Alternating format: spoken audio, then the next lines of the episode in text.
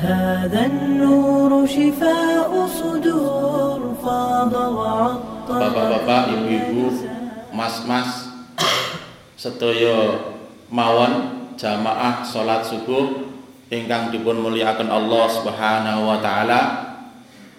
Alhamdulillah wonten enjang menika Allah Subhanahu wa taala tasih maringi dumateng kita sedaya kenikmatan. Nikmatus sihah wa nikmatul iman. Nikmat kesehatan dan nikmat keimanan sehingga kanthi nikmat menika alhamdulillah kita dipun kempalaken wonten panggenan ingkang sae dipun kempalaken Allah Subhanahu wa taala wonten suasana utawi majelis majelis ingkang sae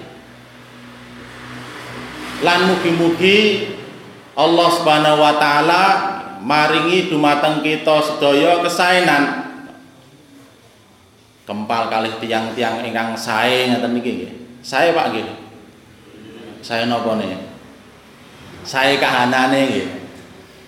Ahlu sholat, ahlul jamaah, ahlu subuh napa melih nggih. Niki nek mboten tiang sae terus tiang napa melih? Kanjeng Nabi ngendika babakan fadilah utawi keutamaan menunaikan sholat subuh secara berjamaah dengan keterangan yang sangat jelas gitu. Siapa saja yang mengetahui fadilah atau keutamaan daripada sholat subuh maka dia pasti akan mendatanginya walaupun dalam keadaan kondisi merangkak Nah, saya ngertos kula dereng ngenten wong nang masjid ki brangkang niku dereng ngenten gitu. Amargi napa? Melihat dan mengetahui daripada keutamaan salat subuh menika. Para rawuh ingkang dirahmati Allah Subhanahu wa taala, mugi-mugi kanthi kahanan menika, kanthi nikmat menika, kanthi situasi menika kita saged dipun istiqomahaken Allah Subhanahu wa taala wonten ibadah-ibadah, wonten tumindak-tumindak kesaenan. Istiqomah dipun wastani nggih menika ajeg jejeg tur ajeg gitu. Ya sithik ra apa-apa tapi ajeg ya. Timbangane mboten. Syukur-syukur akeh terus ajeg. Para rawuh ingkang dipunrahmati Allah Subhanahu wa taala wonten surah Al-Anbiya nggih ayat ingkang sepindah ayat ingkang pertama Allah Subhanahu wa taala sampun ngendika A'udzu billahi minasyaitonir rajim lin-nasi hisabuhum wahum fi ghaflatin mu'ridun. Mengke saged dipun waos melih dipun rujuk melih diwaca waca melih nggih. Syukur-syukur dibuka tafsire nggih. Allah Subhanahu wa taala ngendika iqtaraba nas. Telah datang mendekati telah dekat kepada manusia hisabuhum apanya Siapa yang dekat kepada manusia, hisabnya, hari perhitungannya. Wahum fi ghaflatim mu'ridun. Akan tetapi kondisi manusia justru lalai. Menurut para ulama disebutkan lalai dikarenakan dunianya mu'ridun dan mereka berpaling daripada akhiratnya. Para rawuh wonten ayat menika Allah Subhanahu wa taala sampun negasaken gitu. Babakan apa? Bilih menungso setiap hari ya, kalau kita kan mungkin terbiasa berpikir sebagaimana pikiran banyak orang ya. Nek tambah dino berarti tambah umure gitu ulang tahun. Tapi kan kita malah begitu gitu ulang tahun gitu saat ini ulang tahun sasi ngarep pada hari yang sama ulang tahun meleh gitu jadi tahunnya diulang-ulang gitu karepe apa? Ben rumangsa ora Padahal di sini disebutkan Allah Subhanahu wa taala mengatakan iktaro nas. Bahwa hisab manusia bahwa kondisi kita ini semakin dekat kepada yang namanya hisab. Kenapa Allah sebutkan, Allah ingatkan ini karena kondisi manusia ya, fi ghaflatin. Mereka dalam kondisi lalai dan dalam kondisi berpaling. Imam Al-Jurjani rahimahullah beliau menyebutkan ya, sing disebut wong lalai apa sarape ghaflah niku sapa to? Yang disebut dengan ghafil itu siapa? Beliau menyebutkan Al-ghaflah yaitu ketika seseorang itu tidak terbersit di dalam pikirannya sesuatu apa pun. Wah, niki kan aneh. Wong urip neng donya wis diparingi nggih, napa jenenge? kenikmatan, wis diparingi hidayah umum nggih. Alastu birabbikum itu kan merupakan salah satu bentuk pengakuan kita kepada Allah Subhanahu wa taala.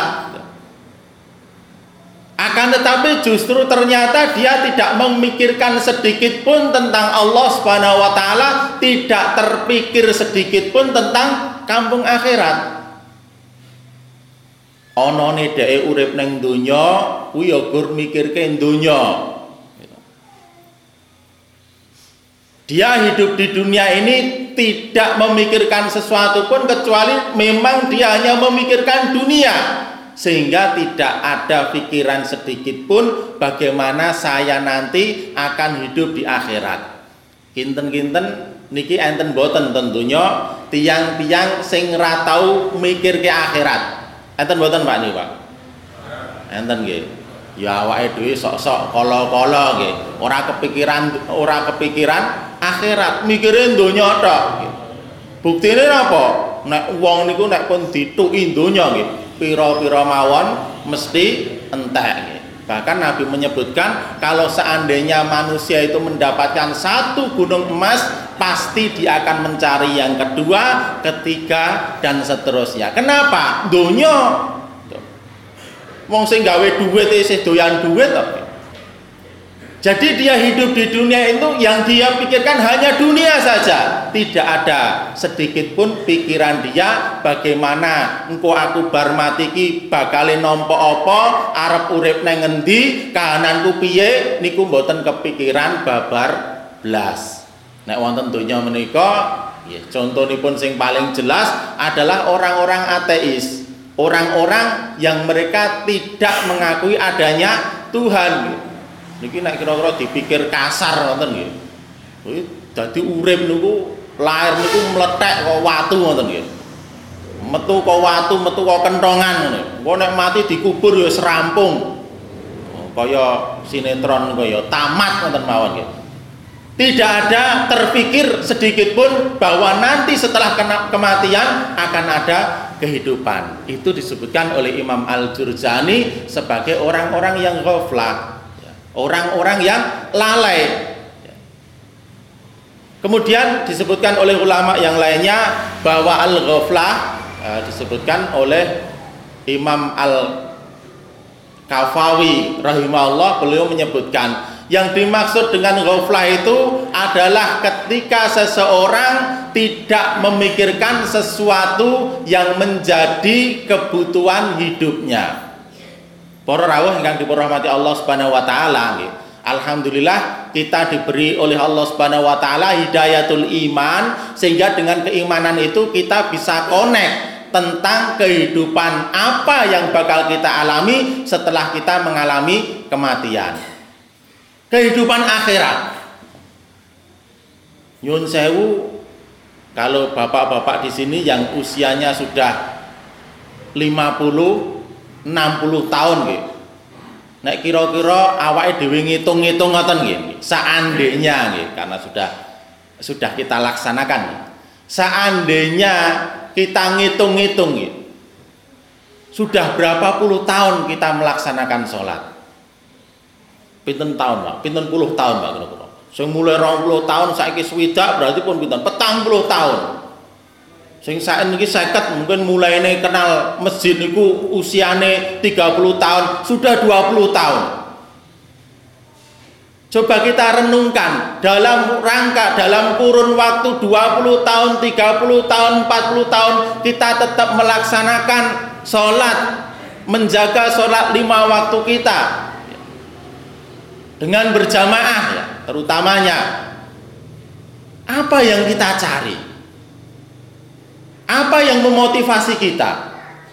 Semuanya adalah kembali bahwa ini perintah Allah Subhanahu wa taala, ini kewajiban kita sebagai ini kewajiban saya sebagai seorang mukmin dan ini biasanya niku para mbah-mbah nika ngilingaken ini sebagai sangu kita ketika kita nanti bertemu dengan Allah Subhanahu wa taala.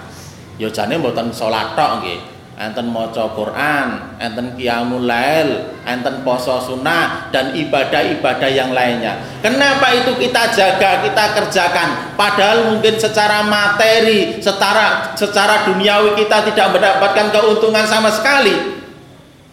Berangkat daripada keimanan kita, berangkat daripada keyakinan kita. Sementara menurut Imam Al-Kafawi rahimahullah beliau menyebutkan orang-orang yang ghaflah dia tidak sama sekali tidak memikirkan apa yang menjadi kenyataan di dalam hidupnya.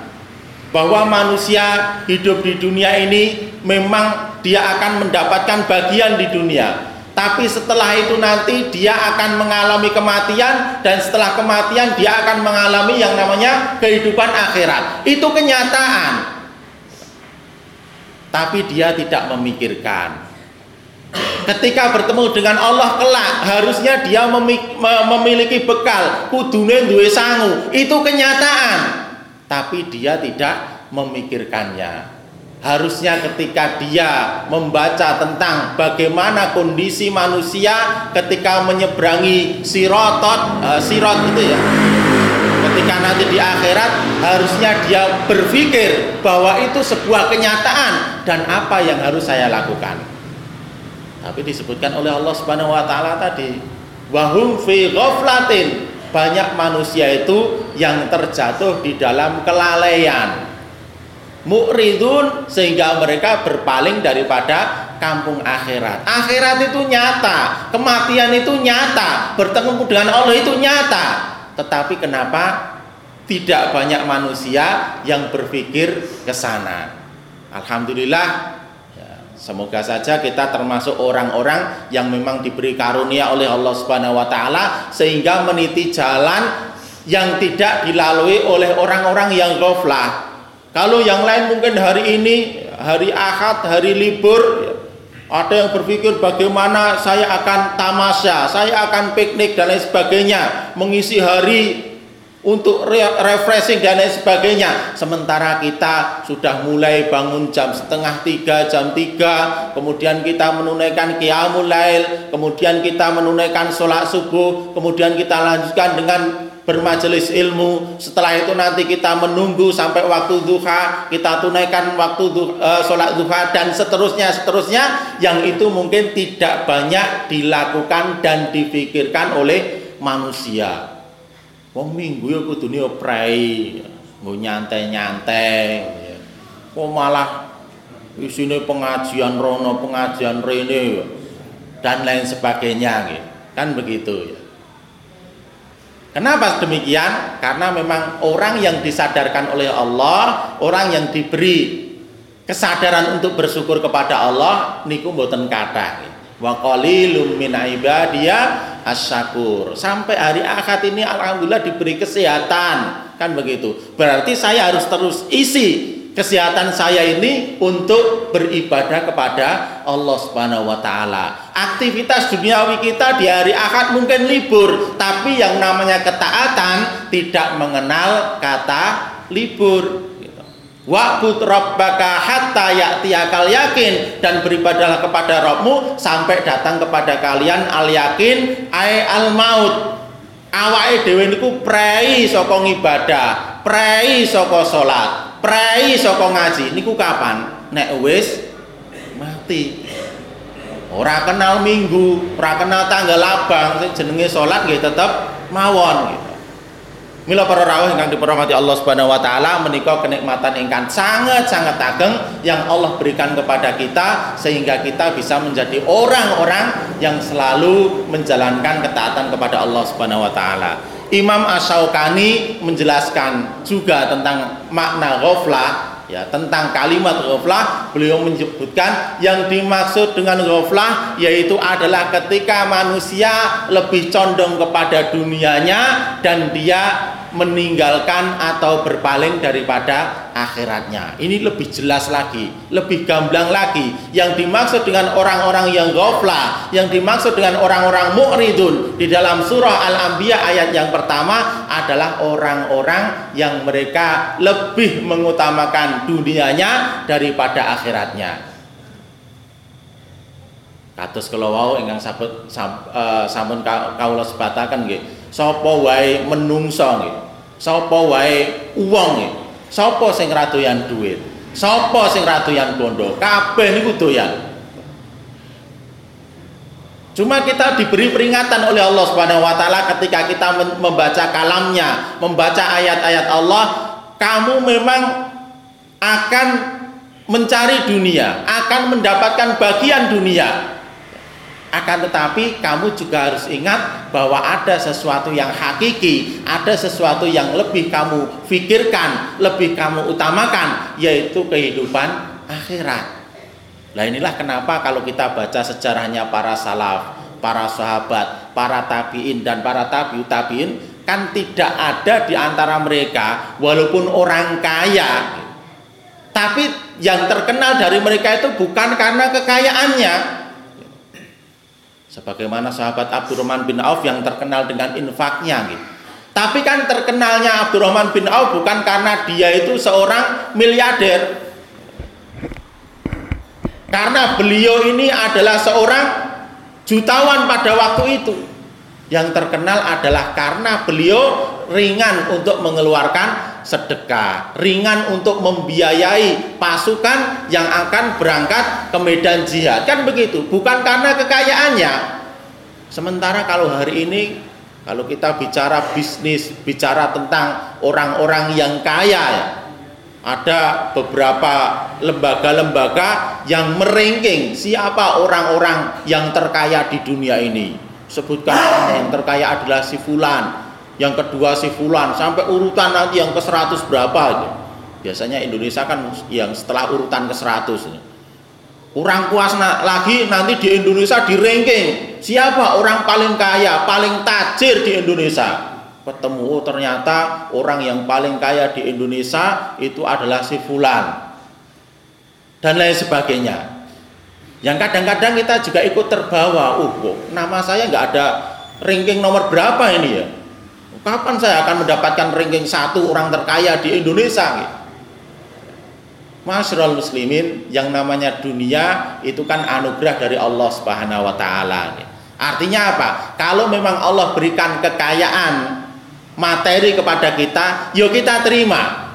Bahkan kita diperintahkan untuk mencarinya kan. Walatan sanasi baka minat dunia. Jangan lupakan bagian kalian di dunia ini tetap kita diperintahkan untuk mencari. Akan tetapi di dalam banyak nas disebutkan jangan sampai kekayaan kita justru memalingkan kita daripada Allah Subhanahu wa taala. Sebagaimana para sahabat walaupun dunia berada di dalam genggaman tangannya tapi bukan itu yang menjadi tujuan hidupnya. Bukan itu yang menjadi akhir daripada perjalanan hidupnya yang ini banyak terjadi pada manusia hari ini. Menumpuk-numpuk harta. Bahkan saya pernah baca kalau kita pikirkan ya. Makanya Nabi mengingat, sering mengingatkan kepada kita masalah harta. Hati-hati terhadap harta. Kenapa? Karena nanti di akhirat urusannya dowo. Gitu. Kalau yang lain ditanya satu pertanyaan, sementara harta kita itu dua, dari mana dan ke mana. Ini kalau kita renungkan ya, ojo nih ten akhirat ya, ten dunia mawon, uang nek di bondo, niku urusane wis dawa nggih. Dilebokke ning bank, niku wis khawatir nggih. Ojo-ojo bange dibangkrutke terus duitnya digawa melayu sing gawe bank. Kan bisa terjadi. Saya pernah baca sebuah laporan ada orang kaya itu ya dia berani membayar lebih kepada pihak bank ya untuk mendapatkan fasilitas cek saldo otomatis setiap lima menit. Jadi setiap lima menit ada message, ya, ada SMS ke HP-nya itu saldo Anda masih 10 M. Lima menit lagi seperti itu, karena dia khawatir, walaupun ya, di pihak bank itu kan sudah oh, di luar kendali dia kan, Sebagaimana Senturi kalau sudah dibangkrutkan, dipilotkan, dilikuidasi, dibawa lari mau ngapa coba? Ar nangis terus biye. Kan nggak bisa ngapa-ngapa. Makanya mereka sampai mau membayar lebih untuk mendapatkan fasilitas itu tadi. Oh, kondisi saldonya masih utuh, masih utuh, masih utuh ya. Itu yang ada di bank, yang ada di rumahnya. Yun sewu orang-orang kaya hari ini gitu. punya rumah gitu. Perumahan elit, temboknya udah tembok tinggi liane gur setengah meter niku rong meter setengah gerbangnya rangkep loro niku plate kandel-kandel. Di atas tembok pagarnya biasanya kayak pecahan koco nih kok ling nyerangap nyerangap kurang aman kayak kawat berduri duri kurang aman pasangi CCTV jerone enek pos satpam. Plus ten gerbangnya awas ada anjing. Kurang nopo coba? Pengamanan yang sangat luar biasa itu baru di dunia nih urusannya kan pun dawa urusannya pun dawa apalagi ketika nanti sebagaimana yang diterangkan di dalam nas ketika kita di akhirat.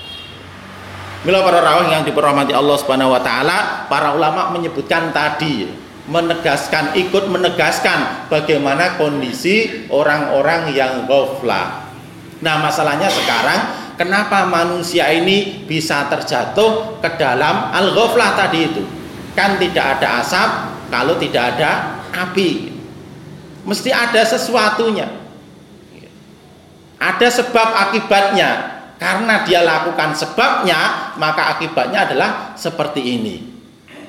Paling tidak masyarakat muslimin berdasarkan keterangan para ulama dan dari nas-nas yang ada ya, ada tiga faktor, tiga penyebab yang menjadikan manusia itu terjatuh dalam yang namanya al-ghaflah. Disebutkan yang pertama adalah karena dia sibuk dengan dunianya.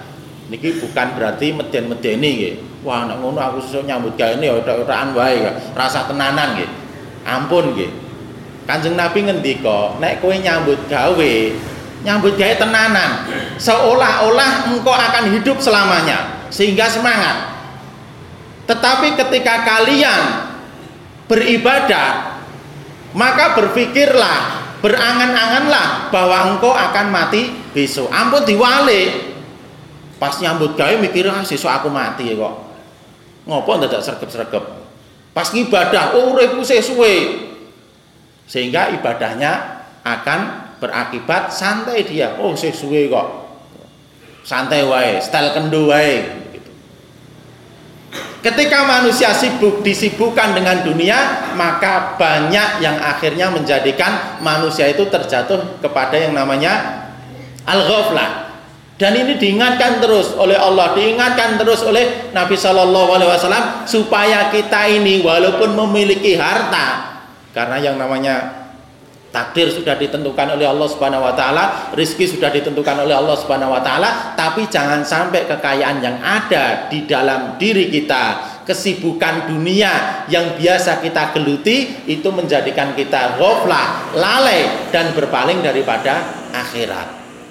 Makanya alhamdulillah kalau bapak-bapak itu selalu merasa diringankan ketika ada panggilan azan langsung segera connect ya, meninggalkan aktivitas duniawinya untuk menyambut panggilan Allah Subhanahu wa taala. Mungkin masih ada yang beralasan repot. Wah, lagu itu lagu repot iki, lagu noto kayu, lagu ngitung duit. Alasannya repot ini repot ngono. Harum mangsane wong salat nang masjid pengangguran apa? Nek bicara repot semuanya repot. Wong repot itu bisa kita bikin loh gitu.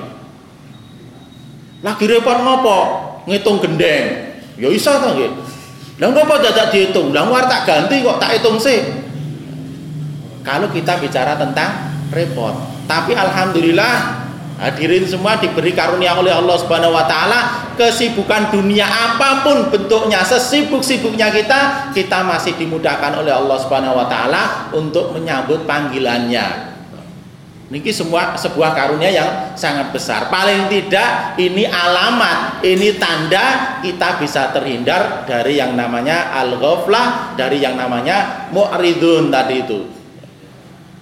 Kita sambut seruan Allah syukur-syukur kita tambah lagi. Ya kualitas dan kuantitas ibadah kita kepada Allah. Tujuannya apa? Agar kita ini selalu terbentengi daripada yang namanya al-ghaflah. Kemudian yang kedua ma'asyiral muslimin disebutkan apa yang menjadi faktor penyebab manusia jatuh dalam ghaflah sehingga dia berpaling daripada dunia disebutkan karena hobi dan karena sibuk bersosialisasi kalau sosialisasi itu zaman no ya, kekinian ya. Karena hobi. Di dalam sebuah riwayat, kalau nggak salah Imam Baihaqi dan Imam Ibnu Majah ya, diriwayatkan oleh banyak eh, banyak perawi itu, Anna Rasulullah Sallallahu Alaihi Wasallam ro'a rojulan yatba'u hamamah suatu suatu hari ini berkaitan dengan hobi ya Suatu hari Rasul itu melihat seorang laki-laki yatbau hamamah. Hamamah itu merpati doro ya. Ada seorang laki-laki yatbau mengikuti ya. Mengikuti doro. Berarti kan kalau kita e, artikan dengan artian yang luas, dia setiap hari itu ngulek-ulek doro. Pun mudeng Pak nggih. Ngulek-ulek doro iki karepe piye ya. Terus mudeng ya. Mosok gon ketutke doro ya. Maka Nabi Shallallahu Alaihi Wasallam fakola syaitonun yatba'u syaitona. Niki ngendikane Nabi. Ketika melihat ada seorang laki-laki yang dia mengikuti doro tadi itu. Kanjeng Nabi meni, e, ngendika syaitonun setan yatba'u syaitona mengikuti setan. Oh, medeni niki. Ini berkaitan dengan hobi. Kalau kita renungkan ya, para rawuh ya, lima tahun yang lalu ketika musim antorium nggak ya, ada Jemani gelombang cinta, kemudian ada Black Beauty, ada Varigata dan lain sebagainya. Semuanya sibuk ya. Bahkan saya mengalami sendiri begitu kita jamaah masjid ini sudah selesai gini, bar di teras itu rembukan ini sing dirembuk apa? Ya kembang. Mau neng rumah ketemu tonggone ngarep rumah ya kembang. Mau neng nyambut gawe neng kantor sing dirembuk ya kembang Dino Senin kembang, Selasa kembang, Rebo kembang, terus Minggu ya kembang. Nang ngendi dinggon mesti sing direbuk kembang. Bar niku ilang, ganti watu ake. Padha meleh. Di everywhere, everything, every time selalu yang dibicarakan adalah ake. Iku lho ake. Nah, kalau mau tempati mudeng nggih. Watu kecubung, itu watu kali apa watu apa dan lain sebagainya setelah itu hilang ganti manuk sana ini oh, manuk itu suwe sana ini di mana-mana napa mulai lek dina ahad ku orang dong gendong yo gendong buri tangan kiwa nyangking yo koncone nang buri yo nyangking kiwa tengen lho medeni tenan yo ini berkaitan dengan hobi. Lho apa ora oleh to hobi Mas Apa ora aku seneng kembang, ora aku seneng batu akik, kan ya ora najis, ora haram. Apa ora aku seneng manuk sing suarane apik, ulune apik. Angsal mawon, silahkan. Tafadhol. Tapi jangan sampai hobi kita itu memalingkan kita dari Allah Subhanahu wa taala, memalingkan kita dari akhirat. Lho apa iso Mas? Masalahnya kula nate ngalami Ketika zamane kembang niku kelakon Pak Tangi jam telu bengi nggih. Niku mboten tahajud.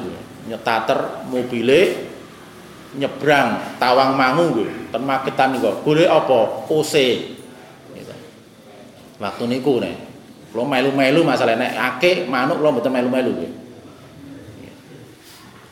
Hobi sampai seperti itu. Bahkan beberapa kisah, beberapa cerita menyebutkan sampai akhirnya orang yang tidak banyak banyak meninggalkan qiyamul lail karena apa? Sibuk dengan hobi itu tadi. Ya karena hobi bisa mendatangkan duit sih ya, makanya banyak yang seneng ya. Dan hobi-hobi yang lainnya. Gitu. Silahkan jenengan punya hobi, gitu. koleksi jam, monggo gitu.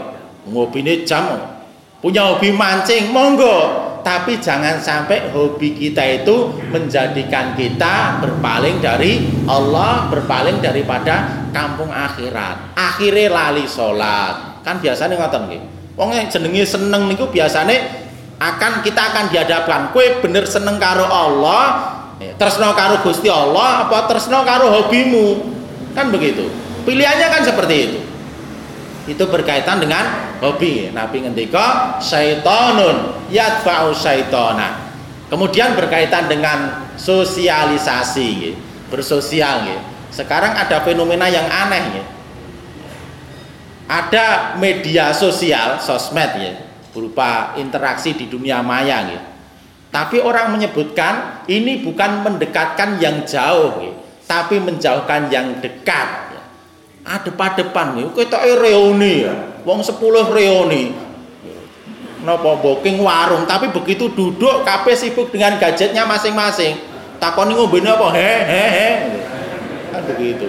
Kowe padahal teko ke Medan ten Solo kowe dari Madura ke Solo, dari mana-mana datang tekan ini ke raya ya. Kan begitu. Sibuk ya. Lah bagaimana kaitannya dengan berpalingnya kita, goflahnya kita, muridnya kita dari kampung akhirat ya? Kalau kita renungkan akun sosmed itu kan sekarang banyak ya. Ada Facebook, ada WA ya, yang paling ramai ada Twitter, ada tele dan lain sebagainya. Kalau masing-masing dari kita menginstal lima saja di dalam gadget, gitu. kemudian kita cek setiap satu jam, kan buatan mungkin dong jenengan ngecek WA nih bu, terutama sih hobi banget gitu. Gak waktu luang loh, rogoh kantongan ngetok ke ya WA, baru WA buka tele, baru tele Facebook, niku mulai leboke, mungkin lima menit buka mulai setiap satu akun sosmed jenengan buka dua menit saja kali lima sudah berapa? 10 menit. Jenengan tahan buka ini gur telung waktu dok sakit ora betah biasanya hampir setiap jamnya kecuali mungkin bapak-bapak yang nggak hobi atau memang hadirin yang nggak terlalu hobi itu mungkin punya HP punya smartphone punya Android itu tuh ora digowo tinggal ngomah wae lah ngopo gua anggere butuh rak yo SMS SMS ora diwaca anggere butuh rak yo nelpon. Wong operator sing arep nawari nelpon kok nggih. Petugas bank ajeng nawari kredit nelpon kok nggih. Berarti kan penting niku. Dengan akun sosial, uh, sosmed, dengan sosial media. Hari ini banyak akhirnya manusia itu yang dilalaikan. Wis Allahu Akbar, Allahu Akbar ngerogoh kantongan buka nih. Bukai tanpa sadar kita itu sudah kehilangan waktu 2 menit, 3 menit, 5 menit. Yang itu kalau kita sholat sunnah wis rampung. Nah ini moco sosial media rung rampung nih akhirnya lambat laun kita bisa berpaling naudzubillah bisa berpaling dari Allah berpaling daripada akhirat sibuk itu tadi kemudian yang ketiga ma'asyiral muslimin faktor yang menyebab, menyebabkan manusia jatuh dalam al-ghaflah disebutkan yaitu adanya al-maksiyah, kemaksiatan. Dan ini disebutkan oleh para ulama, ini adalah faktor yang paling dominan. Kalau tadi sibuk dengan dunia, itu juga faktor Kemudian kita sibuk dengan hobi, itu juga faktor. Kita sibuk dengan akun sosial media kita, itu juga faktor. Tapi faktor yang paling terbesar, faktor yang paling dominan itu adanya maksiat. Setiap manusia melakukan kemaksiatan, melakukan dosa, akan meninggalkan noktah titik hitam di dalam hatinya. Kalau dia tidak segera hapus dengan istighfar, dengan bertaubat kepada Allah Subhanahu wa taala, maka titik-titik itu tadi akan bertambah, bertambah dan akhirnya akan menghitamkan hatinya.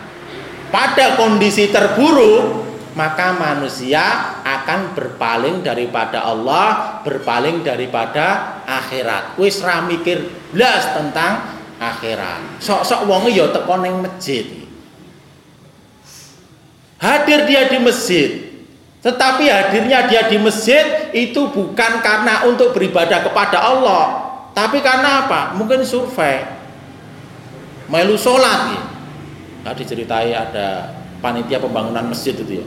Kebetulan masjidnya di pinggir jalan ini strategis ketika bangun banyak sales yang datang melu sholat bar sholat takon tak mirip pundi tak mirip sinten takoni tekani kemudian ditawarkan Pak gimana ini kalau kita pasang AC ini mungkin ada mumpung ada promo gitu ya gimana kalau ini pintunya kita karena sekarang ada teknologi Jerman ya pintunya yang kusennya bukan dari kayu itu ya kayak eh, PVC tapi lebih bagus lagi ya itu per meternya berapa juta itu ya seperti itu. Atau tujuan-tujuan duniawi yang lainnya. Bisa jadi fisik kita dilihat orang sedang ibadah, tetapi sebenarnya kita tidak sedang beribadah. Kenapa bisa terjadi seperti itu? Karena maksiat yang dilakukannya. Nauzubillah min dzalik. Masyarul muslimin jamaah rahimakumullah.